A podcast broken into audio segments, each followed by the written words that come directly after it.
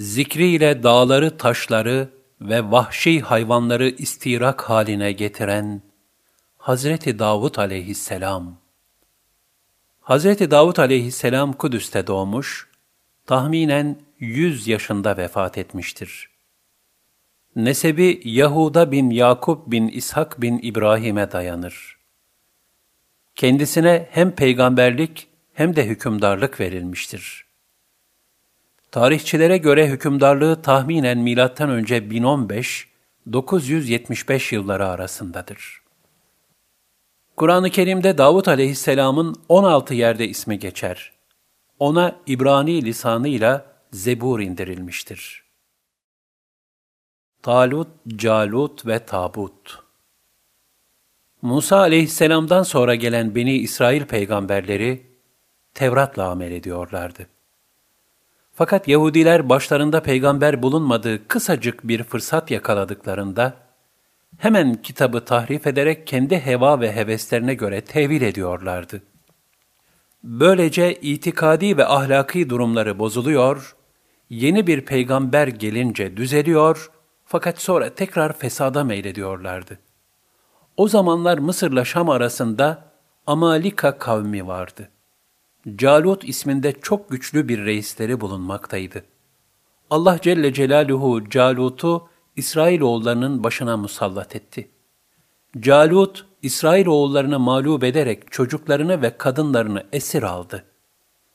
Beni İsrail'de Musa aleyhisselam zamanından beri muhafaza edilen ve içinde bir kısım mukaddes emanetlerin bulunduğu kıymetli bir sandık vardı. Sandığı ele geçiren Calut, hakaret olsun diye onu pisliğe attı. Bu sandığa Kur'an-ı Kerim'de tabut denilmektedir. Ev, mal, mülk ve yurtlarından ayrı düşen İsrailoğulları çok huzursuz oldular. Tabutun ellerinden çıkmasına çok üzüldüler. Artık bütün emel ve gayeleri tabutu tekrar ellerine geçirmek olmuştu.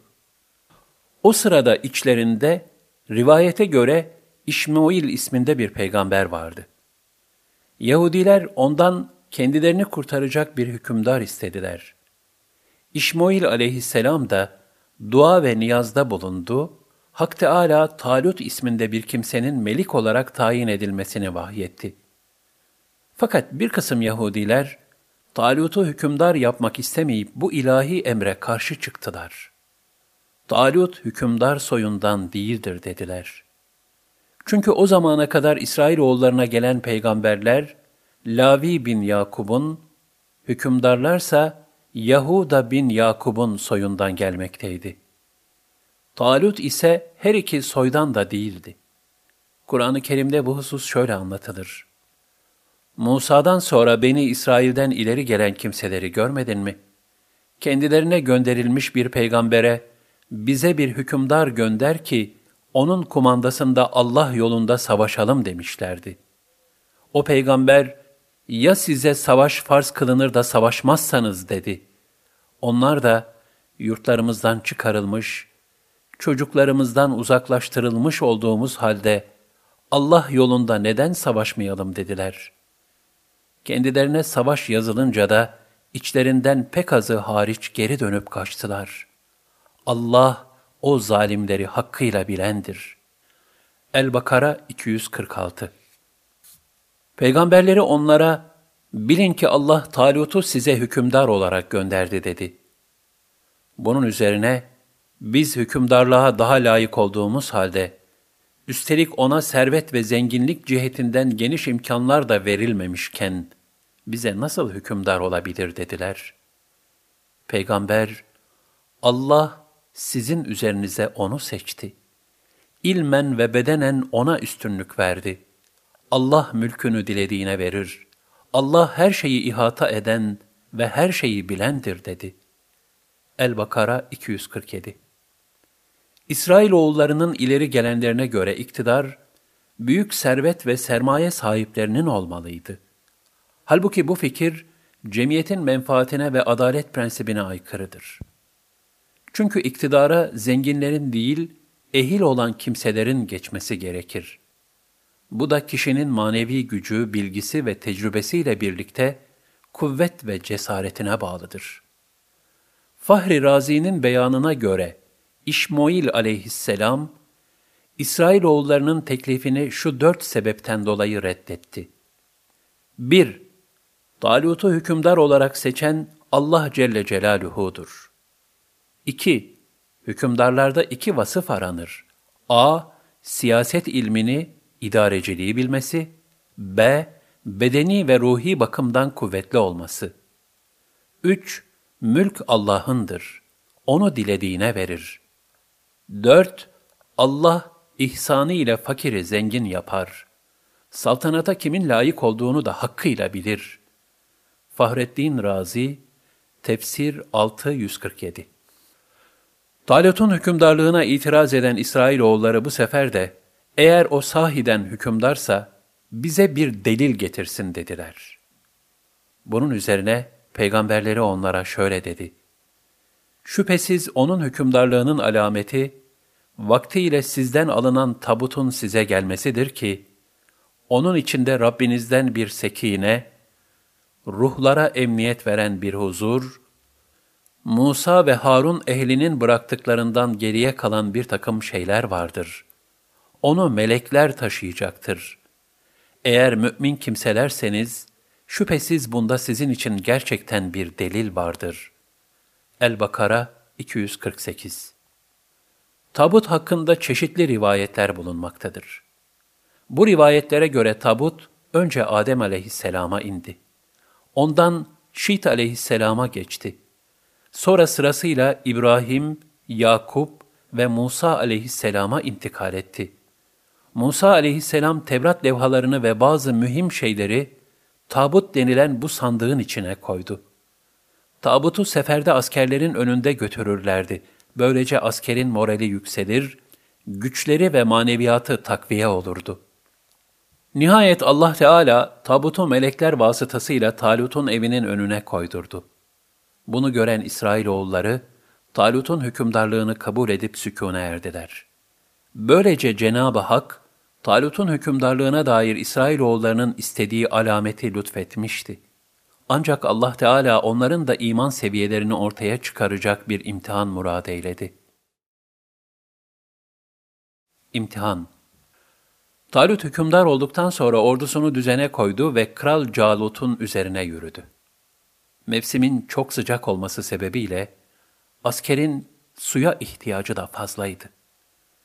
Fakat İşmoil aleyhisselama Cenab-ı Hak'tan bir talimat geldi.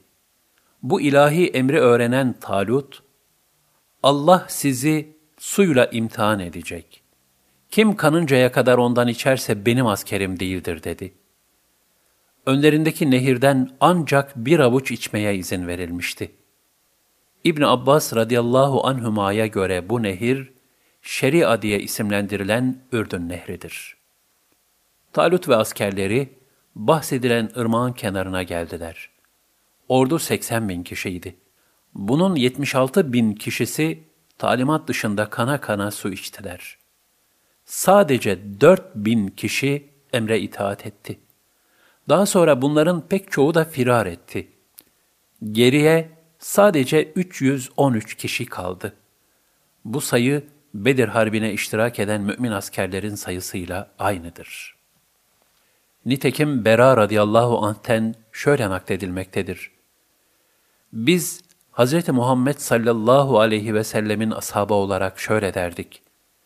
Bedir'de bulunanların sayısı, Talut'un Filistin nehrini beraber geçtiği mümin askerlerinin sayısı olan 313'tür. Nehirden bir avuçtan fazla su içenlerin susuzlukları daha da arttı. Dudakları kurudu ve halsiz kalıp bitap düştüler. Nihayetinde perişan oldular. Emri dinleyenlere ise aldıkları bir avuç su kafi geldi.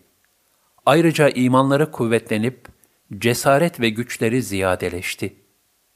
Ayet-i kerimede buyurulur. Böylece Talut, askerleriyle Kudüs'ten ayrılınca onlara şöyle dedi. Muhakkak ki Allah sizi bir nehirle imtihan edecektir. Buna rağmen kim ondan içerse artık benden değildir. Eliyle bir avuç içtiği müstesna, kim de ondan izin verilenden fazlasını tatmazsa, işte şüphesiz o bendendir. Fakat içlerinden pek azı müstesna, hepsi ırmaktan kana kana içtiler. Talut ve iman edenler beraberce ırmağa geçince, bugün bizim Calut'a ve askerlerine karşı koyacak hiç gücümüz yoktur dediler. Allah'ın huzuruna varacaklarına inananlarsa, nice az sayıda bir birlik, Allah'ın izniyle çok sayıdaki birliği yenmiştir. Allah sabredenlerle beraberdir dediler. El-Bakara 249 Ayet-i kerimede askeri disipline dikkat çekilmektedir. Bir ordunun muzafferiyeti, her şeyden önce kumandanın emirlerine harfiyen riayet etmekle mümkündür. Savaşta galip gelmek sayıya değil, haklı olmaya, doğruluğa, iman ve maneviyata bağlıdır. Zafer tacı kemiyetten ziyade keyfiyet sahibi orduların başına konur. Asr-ı saadetteki muharebeler bu halin en bariz şahididir. Yine yakın tarihimizdeki Çanakkale muharebeleri de bu hakikatin en mükemmel misallerinden biridir. Hz. Davud ve Zafer Talut'un ordusunda 18 yaşında bir genç vardı. İsmi Davud'tu. Beydavi'ye göre Davud aleyhisselam, babası ve 13 kardeşiyle beraber Talut'un ordusuna katılmıştı. Davud aleyhisselam koyun güderdi. Çok cesur olup ayrıca sapan taşıyla taş atmada mahirdi. Bir gün babasına, bütün dağlar taşlar benimle tesbih ediyor dedi. Bunun üzerine babası da, ey Davud, sana müjdeler olsun dedi. Davut aleyhisselamın sesi çok gür ve güzel olduğu için Talut'un huzuruna çıkarıldı. Talut da onu kendisine nedim yaptı. Davut aleyhisselam bu sırada Talut'un Amerika kavmine karşı hazırladığı orduya katıldı. Allah o peygambere, İşmoil aleyhisselama, Calut'u Davut'un öldüreceğini bildirmiş, o da Davud'u beraberinde götürmüştü.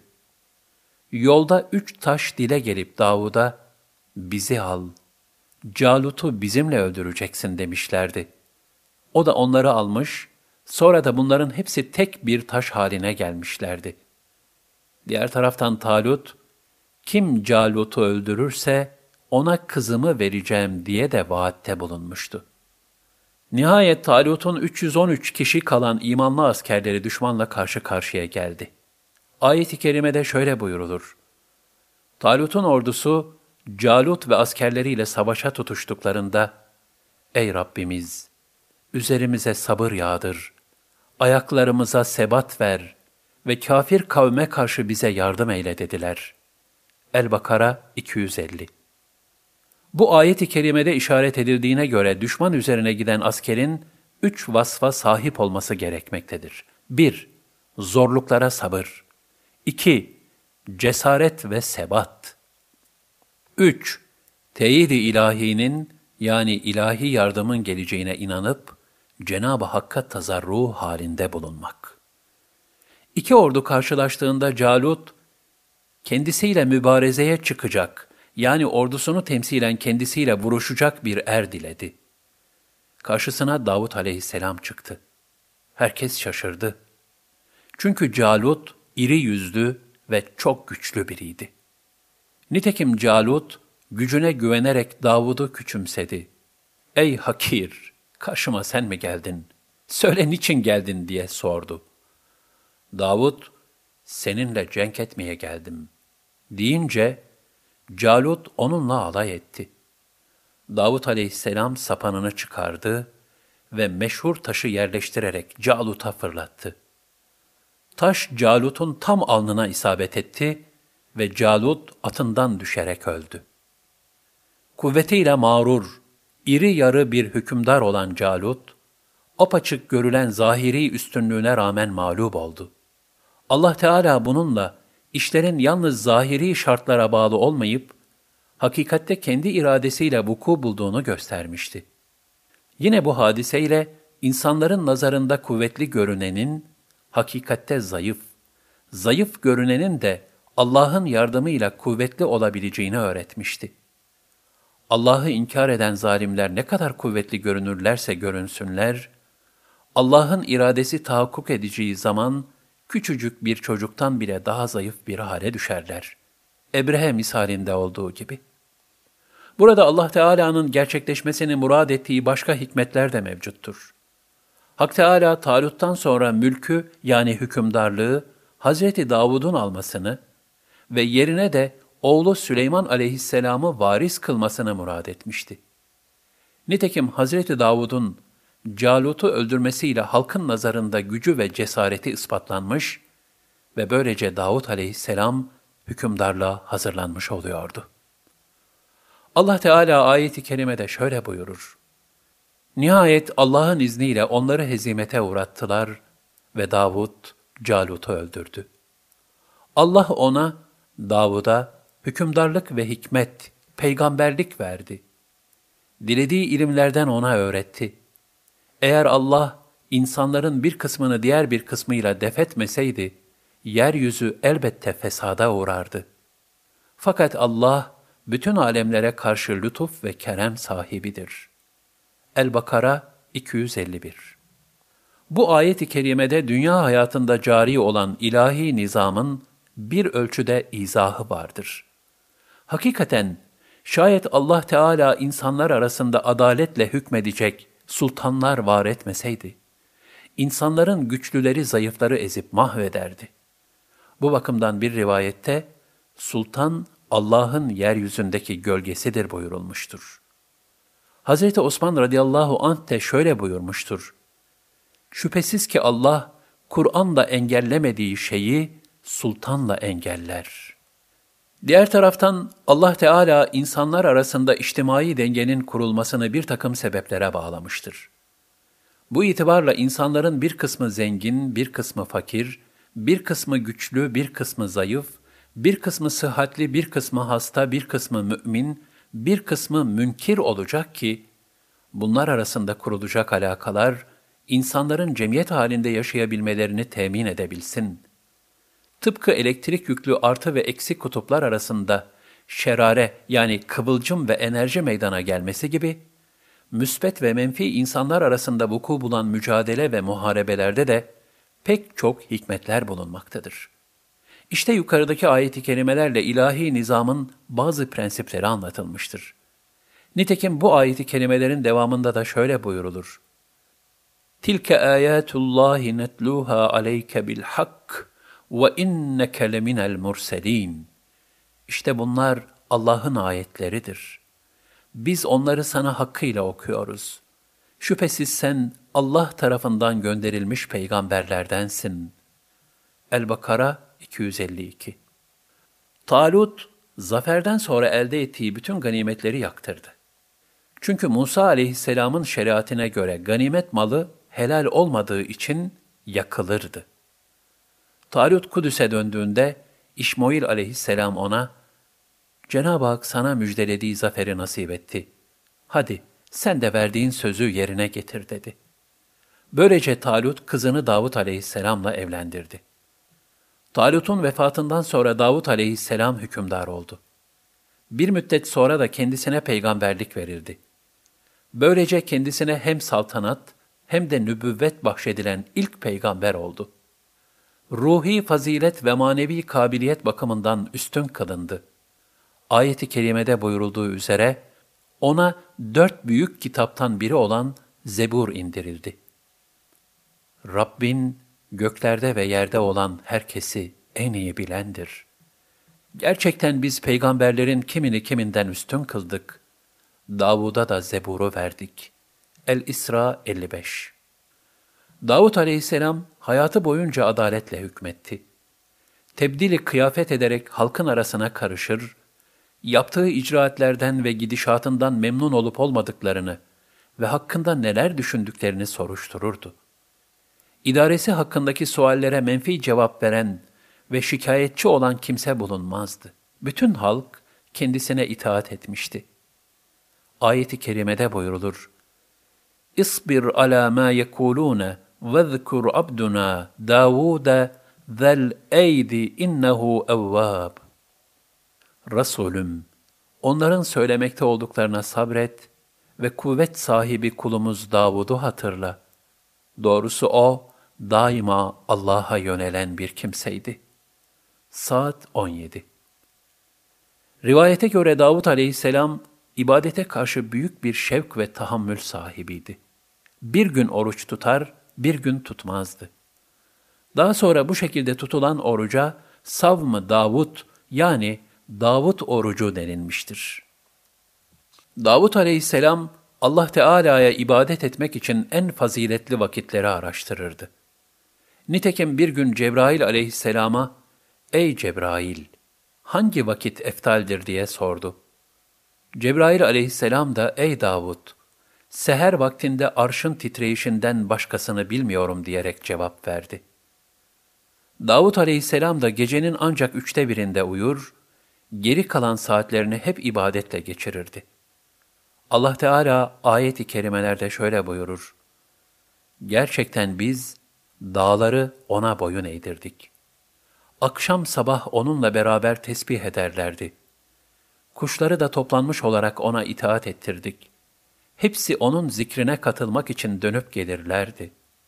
Saat 18-19 Kuşları ve tesbih eden dağları Davud'a boyun eğdirdik. Bunları biz yapmaktayız. El-Enbiya 79 Cenab-ı Hak, Davud aleyhisselama gür ve güzel bir ses ihsan etmişti. O zeburu okurken, bütün vahşi hayvanlar etrafında toplanır ve onu dinlerlerdi. Ayrıca Allah Teala Davud aleyhisselama zırh yapma sanatını da bildirmiş, bu hususta onu müstesna bir kudretle teciz etmiştir. Ayet-i kerimelerde buyurulur, Andolsun Davud'a tarafımızdan bir üstünlük verdik. Ey dağlar ve kuşlar! Onunla beraber tesbih edin dedik. Ona demiri yumuşattık. Ona geniş zırhlar imal et. Dokumasında da ölçüyü gözet. Güzel ve yeteri kadar yap ve ehlinle birlikte salih amel işleyin. Çünkü ben ne yaparsanız hakkıyla görenim diye vahyettik. Ona savaş sıkıntılarınızdan sizi koruması için zırh yapmayı öğrettik. Artık şükredecek misiniz?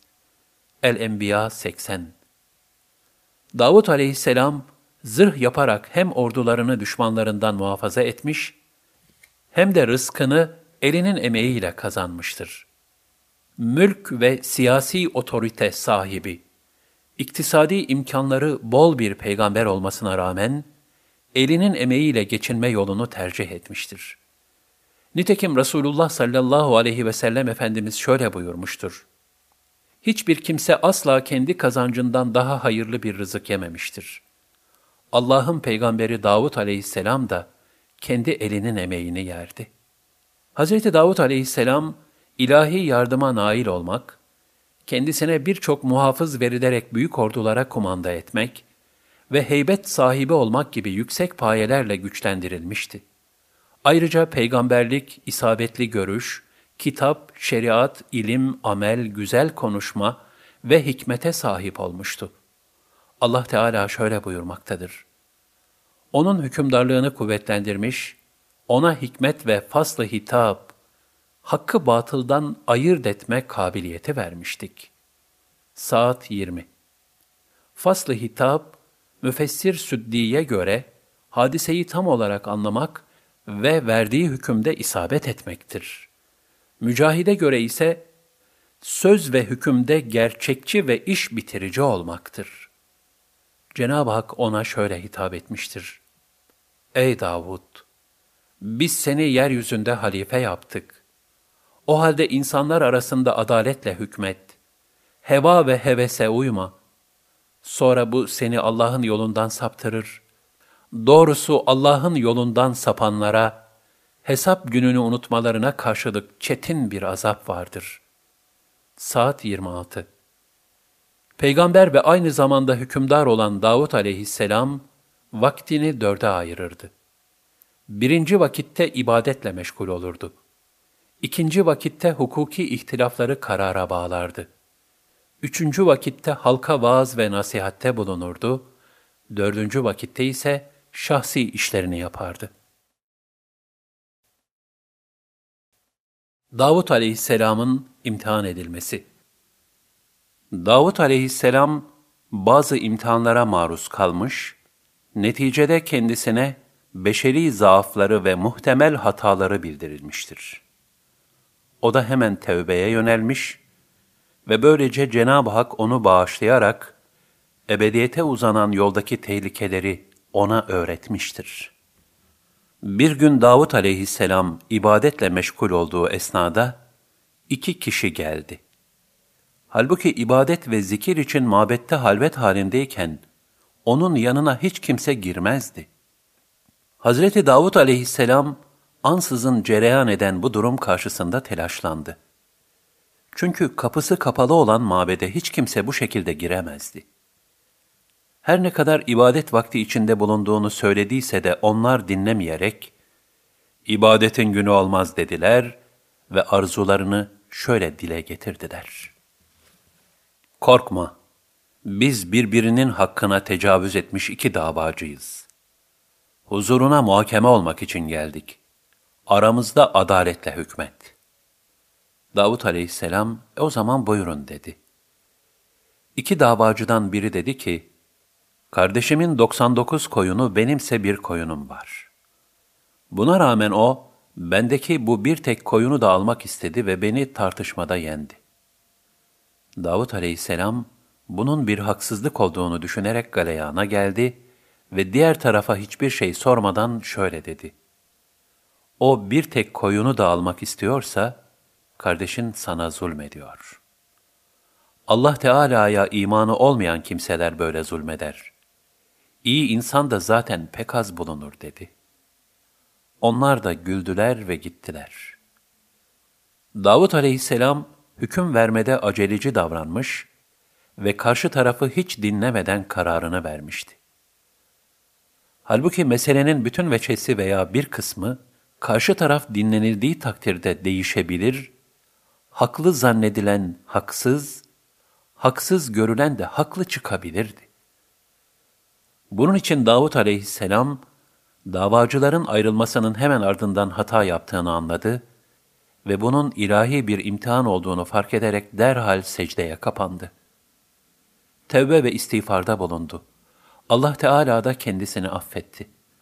Bunlar, peygamberlere bile Allah Teala karşısındaki acziyetlerini idrak ettirmek, ve onlara tabi olanların takip edeceği usul ve hikmetlerin teşekkülünü sağlamak hikmetine binaen vuku bulan hadiselerdir.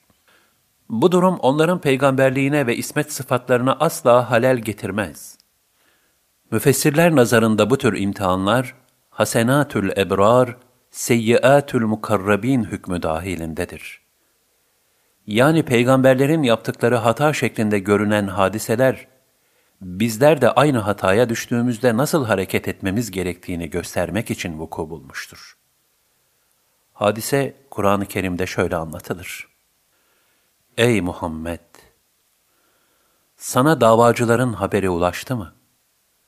Mabedin duvarına tırmanıp Davud'un yanına girmişlerdi de Davud onlardan korkmuştu. Korkma, biz birbirine hasım iki davacıyız. Aramızda adaletle hükmet, haksızlık etme. Bize doğru yolu göster dediler. Saat 21.22 Onlardan biri şöyle dedi. Bu kardeşimdir. Onun 99 koyunu var. Benimse bir tek koyunum var. Böyleyken onu da bana ver dedi ve tartışmada beni yendi. Saat 23 Davud Andolsun ki senin koyununu kendi koyunlarına katmak istemekle sana haksızlıkta bulunmuştur. Doğrusu ortakların çoğu birbirlerinin haklarına tecavüz ederler. Yalnız iman edip salih ameller işleyen kimseler müstesna. Fakat bunlar ne kadar da az, dedi. Davud kendisini denediğimizi anladı ve Rabbinden mağfiret dileyerek eğilip secdeye kapandı tevbe edip Allah'a yöneldi. Saat 24 Sonra bu tavrından dolayı onu bağışladık. Şüphesiz katımızda onun için bir yakınlık ve güzel bir akıbet vardır. Saat 25 Davut aleyhisselam, kıyamet günü Allah'a yakın bir kul olacaktır.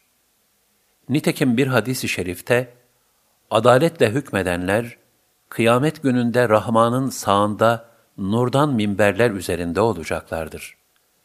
Bunlar hükümlerinde aileleri ve sorumlu oldukları kimseler hakkında adaletle davranmışlardır buyurulur.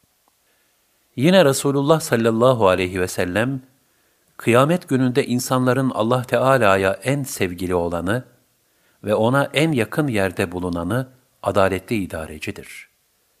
Kıyamet gününde insanların Allah Teala'ya en sevimsiz olanı ve ona en uzak mesafede bulunanı da zalim idarecidir buyurmuşlardır. Hz. Davud aleyhisselam hakkında yukarıda zikredilen ayet-i kerimelerin mahiyetine tamamen ters bir şekilde, muharref Tevrat ve İncil'lerde bir takım hakikat dışı beyanlar ve çirkin iftiralar yer almaktadır. Bu hususta Hz. Ali radıyallahu an her kim Davud hadisesini hikayecilerin rivayet ettiği gibi yanlış ve çirkin bir şekilde anlatırsa, ona 160 değnek vururum demiştir. Hiç şüphesiz ki Hazreti Davud'a Allah'ın yüce huzurunda güzel bir yakınlık, varacağı güzel bir merci ve cennette güzel bir makam vardır. Ashab-ı Sebt yani Cumartesi Ashabı hadisesi Ashab-ı Sebt, Mısır'la Medine-i Münevvere arasında Kızıl Deniz kenarında Medyen şehrinde yaşardı. Sayıları yetmiş bin kadardı. Bunlar cumartesi günleri ibadetten başka bir şey yapmazlardı. Çünkü cumartesi günü ibadetin dışındaki işler haram kılınmıştı. Ayrıca o günde avlanmamak üzere Davut aleyhisselama söz vermişlerdi. Daha sonra şeytan kendilerine vesvese vererek, siz avlamaktan değil, yemekten men edildiniz dedi. Hikmeti ilahi olarak cumartesi günleri balıklar çoğalır, diğer günler azalırdı. Bu sebeple şeytanın fısıltısı bazılarına çok cazip geldi. Bu hususta Medyen halkı üç kısma ayrıldı. Birinci kısım, Allah'ın emrine muhalefet ederek balık tuttular. Hem yiyip hem de sattılar. Bunlar, cumartesi günü ağ atarlar, pazar günü de çekerlerdi. İkinci kısım, balık avlama günahına girmediler. Fakat emri ilahiye uymayanlara da karşı çıkmadılar. Yani ilahi emrin çiğnenmesi karşısında sessiz kalıp herhangi bir ikaz ve nasihatte bulunmadılar. Üçüncü kısımsa hem ilahi nehye riayet ettiler, hem de cumartesi günü yasağını çiğneyenlere ikaz ve nasihatte bulundular. Sükut edenlere de susmakla doğru yapmadıklarını söylediler. Emri bir maruf ve nehy anil münker vazifesini yerine getirdiler. Sükut edenler, kendilerini ikaz edenlere, helak olacak kavmen için vaaz edip kendinizi yoruyorsunuz. Emeğinize yazık derlerdi. Emri bir marufta bulunanlar da, biz Cenab-ı Hakk'ın huzurunda mesul olmamak, mazur olmak için böyle yapıyoruz diye cevap verirlerdi. Daha sonra bunlar, diğerlerine gelecek olan musibet kendilerine de gelmesin diye, onlarla aralarına bir duvar çektiler. Duvarın arkasındaki sesler kesilince bir de baktılar ki, bir gecede hepsi birden maymuna dönmüşler. İlahi hükmü dikkate almadıkları için, böyle bir cezaya düçar olan bedbahtlar, Allah emrine itaat ettikleri için bu azaptan kurtulan akrabalarının yanında bir müddet mahzun mahzun gezdiler. Üç gün sonra da maymun şekline girmiş olan asilerin hepsi öldü. İmam Begavi'nin Mealimut Tenzil adlı eserinde avlanmayan, lakin avlayanlara da herhangi bir ikaz ve nehide bulunmayıp susanlar da onlarla birlikte maymunlar haline geldiler denilmektedir. Kur'an-ı Kerim'de bu husus şöyle ifade buyurulur. Onlara deniz kıyısında bulunan şehir halkının durumunu sor. Hani onlar cumartesi gününe saygısızlık gösterip haddi aşıyorlardı. Çünkü cumartesi günü balıklar meydana çıkarak akın akın onlara gelirdi. Cumartesi tatili yapmadıkları günde gelmezlerdi.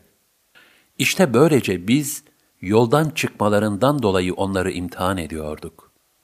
El-Araf 163 İçlerinden bir topluluk, Allah'ın helak edeceği yahut şiddetli bir şekilde azap edeceği bir kavme ne diye nasihat ediyorsunuz dedi. Nasihat edenler dediler ki, Rabbimize beyan edecek mazeretimiz olsun diye, bir de belki sakınırlar ümidiyle nasihatte bulunuyoruz. El-Araf 164 Onlar kendilerine yapılan ikazları unutunca, biz de kötülükten men edenleri kurtardık. Zulmedenleri de yapmakta oldukları kötülüklerinden dolayı şiddetli bir azab ile yakaladık. Kibirlenip de kendilerine yasak edilen şeylerden vazgeçmeyince, onlara aşağılık maymunlar olun dedik. El-Araf 165-166 Cenab-ı Hak daha sonraki nesillere bu hadiseyi hatırlatarak şu şekilde ikaz buyurmaktadır. Ey İsrailoğulları! İçinizden cumartesi günü azgınlık edip de, bu yüzden kendilerine aşağılık maymunlar olun dediklerimizi elbette bilmektesiniz. El-Bakara 65 İşte bu kıssayı o zaman hazır olanlara ve sonradan gelenlere ibret verici bir ceza, müttakiler için de bir nasihat kıldık. El-Bakara 66 Eyle ahalisi cumartesi günü Allah'ın emirlerinden çıkıp nefislerine zulmettikleri zaman, Davut aleyhisselam onlara lanet etmiş, onlar da maymunlara dönmüşlerdir. Bu hadisenin Davut aleyhisselam zamanında meydana geldiğine şu ayet-i kerime de işaret etmektedir. İsrailoğullarından inkar edenler hem Davud'un hem de Meryem oğlu İsa'nın diliyle lanetlendiler. El-Maide 78 Müslümanlar bütün peygamberlere inandığı, onların aralarında bir ayrım yapmadığı ve Hz. İsa'yı da peygamber olarak kabul ettiği için Yahudiler, biz sizin dininizden daha kötü bir din bilmiyoruz demişlerdi. Bunun üzerine şu ayeti celile nazil oldu. De ki, Allah katında cezaya çarptırılma bakımından bundan daha kötüsünü haber vereyim mi? Allah kimlere lanet etmiş ve gazabına uğratmışsa, kimlerden maymunlar, domuzlar ve tağuta tapanlar yapmışsa, işte bunların makamı daha kötüdür ve onlar doğru yoldan daha çok sapmışlardır.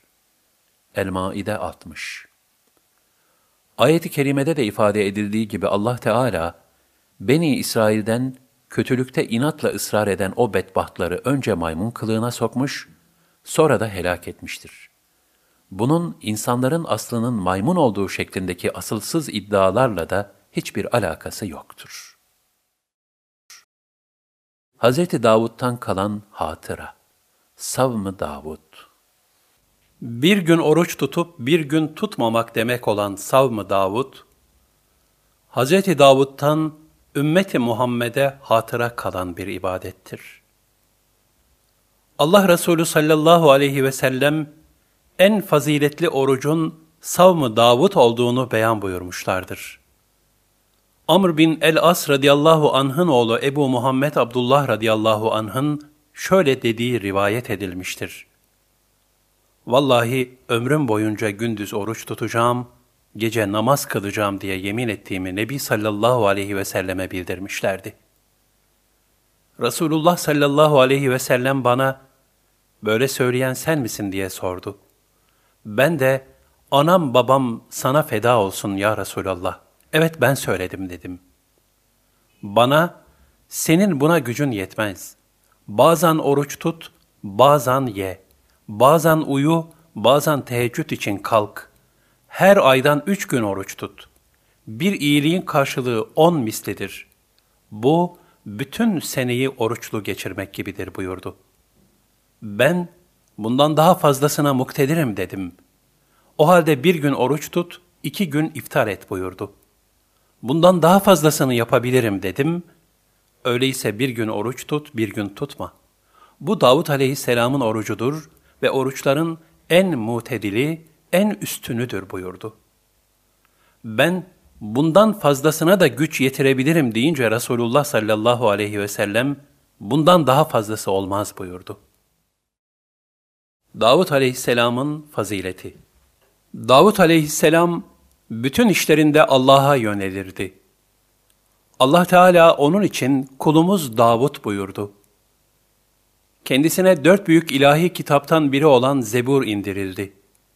Dağlar ve kuşlar onunla birlikte zikrederdi. Kuşların dilini bilirdi. Çok güzel bir sadaya sahipti. Zebur'u okuduğu zaman dağlar ve kuşlar onu dinlerdi. Demiri elinde bal mumu gibi yoğururdu. Böylece kendi el emeğiyle geçinirdi. Nitekim Peygamber Efendimiz sallallahu aleyhi ve sellem de onun bu halini met etmiştir. Davut aleyhisselama faslı hitap, hakkı batıldan ayırt etme kabiliyeti ve hikmet verilmişti. Devleti o zamanın en heybetli ve güçlü devletiydi. Davut aleyhisselam Rabbine çok şükrederdi. O bir keresinde şöyle demiştir. Ya Rabbi, ben sana nasıl şükredeyim? Zira senin şükrüne ancak senin nimetinle erişebiliyorum. Ona şöyle vahyedildi. Sana olan nimetlerimin hepsinin benden olduğunu biliyor musun? Hazreti Davud evet dedi. Bunun üzerine Allah Teala bu şekilde düşünmen benim senden razı olmama kafidir dedi.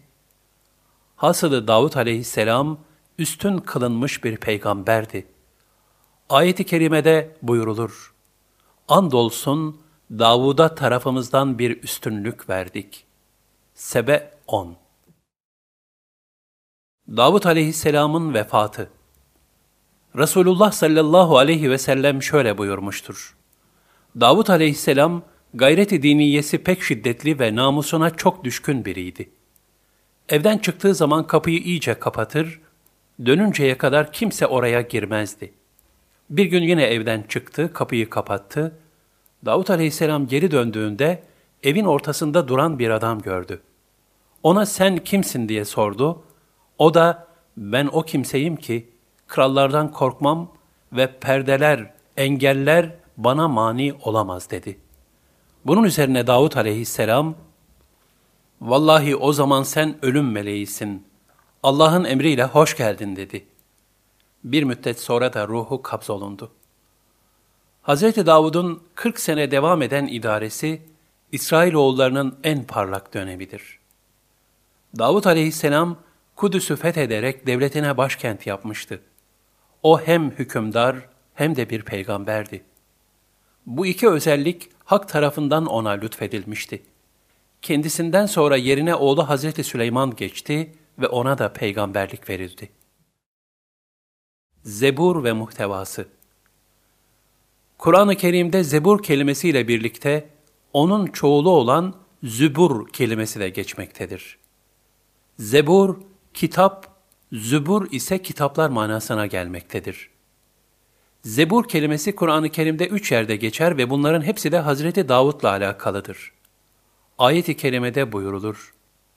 Ve ateyna Davuda zebura. Davud'a da zeburu verdik.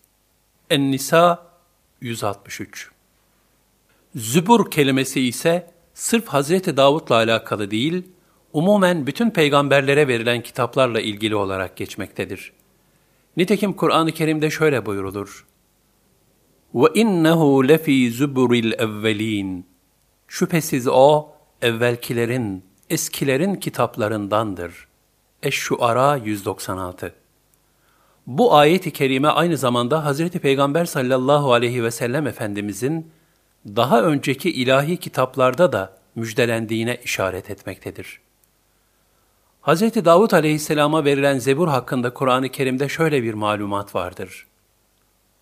Andolsun zikirden, Tevrat'tan sonra zeburda da yeryüzüne salih kullarım varis olacaktır diye yazmıştık. El-Enbiya 105 Kur'an-ı Kerim'de zeburla alakalı olarak daha fazla bir bilgi bulunmamaktadır. İslami kaynaklar, Hazreti Davud'a zeburun verilmesini, onun üstün hususiyetlerinden biri olarak nakletmektedirler. İslam alimleri, zeburda ahkamla ilgili meselelerin olmadığını, onun sadece Cenab-ı Hakk'a yönelik iltica ve münacatlardan ibaret olduğunu ifade ederler. Hz. Musa aleyhisselamdan sonra gelmiş olan Hz. Davud aleyhisselam, ahkam hususunda Tevrat'la amel etmekteydi. Zebur ise insanlarda Allah aşkını ve muhabbetini, Cenab-ı Hakk'a tazarru ve ilticayı daha kamil bir surette gerçekleştirmeyi hedefleyen ilahilerin mecmuuydu. Zebur tamamen manzum bir kitaptır. Nitekim Kitab-ı Mukaddes'te Mezmurlar ismiyle bir bölüm bulunmaktadır ki, bu, musiki eşliğinde söylenen manzum parçalar manasındadır. Sayıları 150 adettir.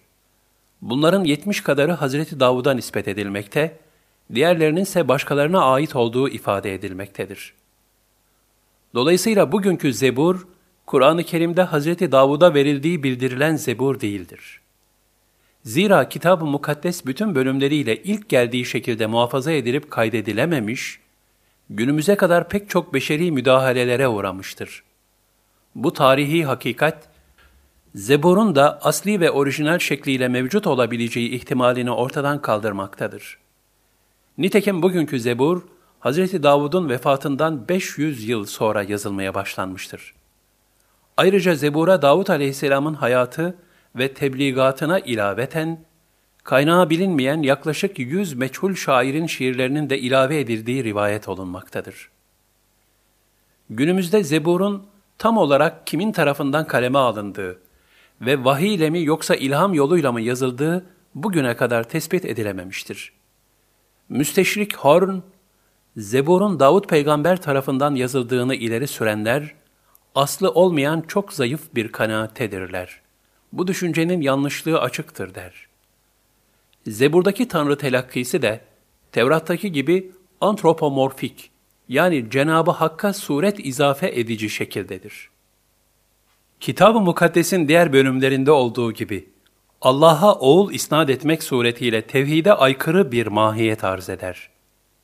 Bugünkü Zebur'da Davut Aleyhisselam'ın bir münacatında şöyle dediği rivayet edilir. Rab bana dedi, sen benim oğlumsun, ben seni bugün çocuk edindim. Mezmurlar 2 bölü 7 Netice olarak bugünkü Zebur sadece bir şiir kitabıdır.'' İçinde Davut aleyhisselama ve başkalarına atfedilen bir takım münacatlardan başka bir şey bulunmamaktadır. Ne kadarının hakiki zebura ait olduğu da meçhuldür.''